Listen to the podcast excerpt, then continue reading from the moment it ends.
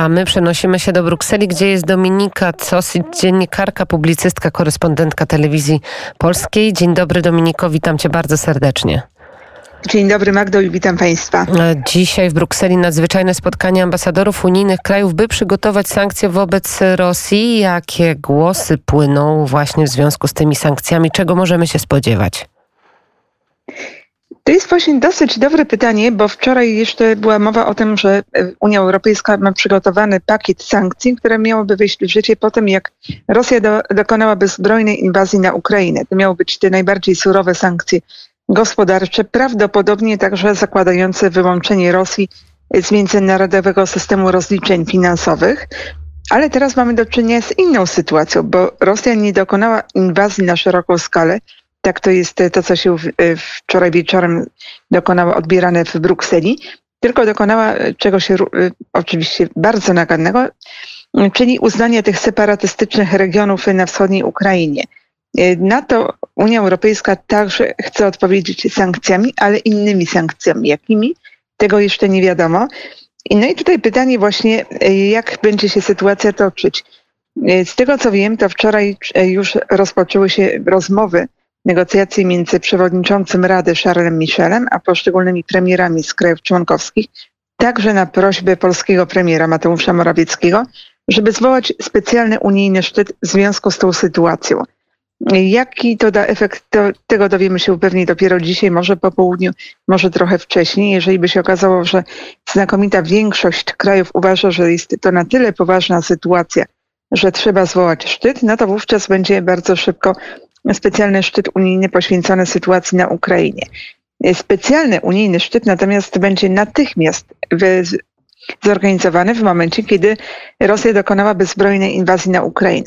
I w tym momencie dochodzimy do punktu dosyć ważnego, co można uznać, jak mamy definiować zbrojną inwazję na Ukrainę. No bo przecież wczoraj wieczorem na te tereny dwóch republik także wkroczyło wojsko rosyjskie.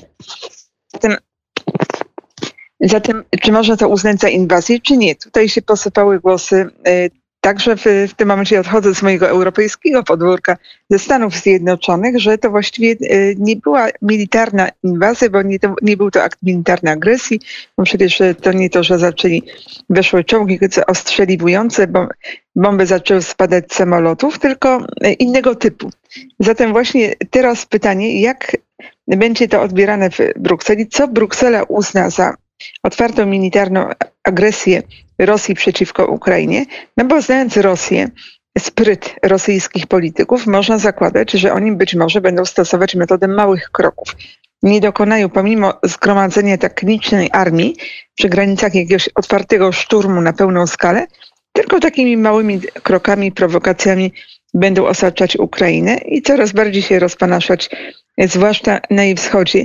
I w tym momencie, jeżeli Unia Europejska uzna, że to nie jest taka otwarta agresja, no to Rosja uniknie tych największych sankcji, no i wyjdzie zwycięsko I to właśnie jest bardzo niepokojące, ale ty również przypominasz rok 2008, czyli w momencie, kiedy państwa Unii Europejskiej uznały niepodległość Kosowa, większość krajów Unii Europejskiej i ta deklaracja odbyła się z naruszeniem rezolucji ONZ. Myślisz, że Rosja to wykorzysta, że to właśnie będzie ten element, który może być no, bardzo niekorzystny dla państw Unii Europejskiej? Myślę, że tak. Pierwszy błąd y, wspólnoty międzynarodowej zachodniej został popełniony właśnie w lutym 2008 roku.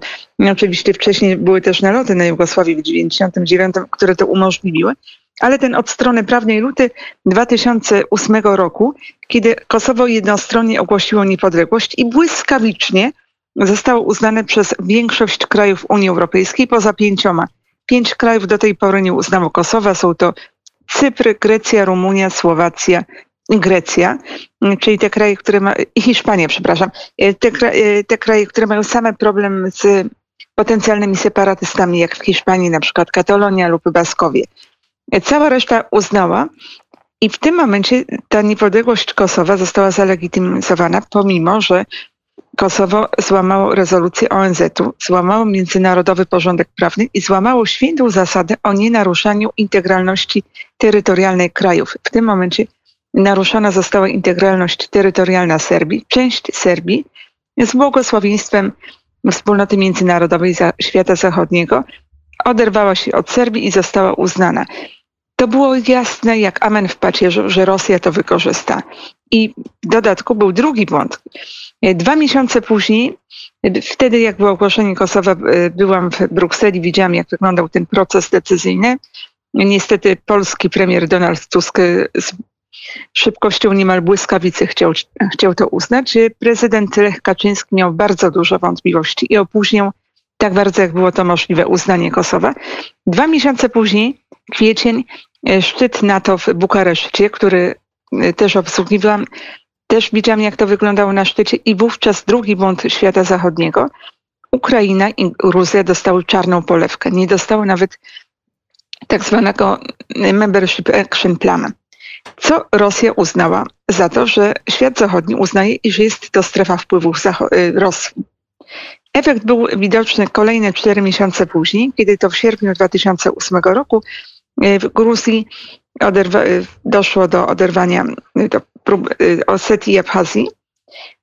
Czyli Rosja wykorzystała to, żeby naruszyć integralność terytorialną Gruzji i także i wówczas Rosja z pełnym spokojem oświadczyła, że przecież no, ale w czym jest problem? Skoro w przypadku jednego kraju można naruszać, no to dlaczego, czym jest, y, jaka jest różnica między Gruzją a Serbią? I jeszcze jak rozmawiamy 2000... o, tak, rozmawiamy o Kosowie, to jeszcze zapytam, bo naprawdę czas nas goni. Wiemy, że tak. Mm, wiemy, że Serbia poprosiła Federację Rosyjską, czy ma poprosić w najbliższym czasie o informacje w sprawie rekrutacji najemników z Kosowa do Donbasu. Czy taka rekrutacja trwa? Czy to jest powszechna praktyka?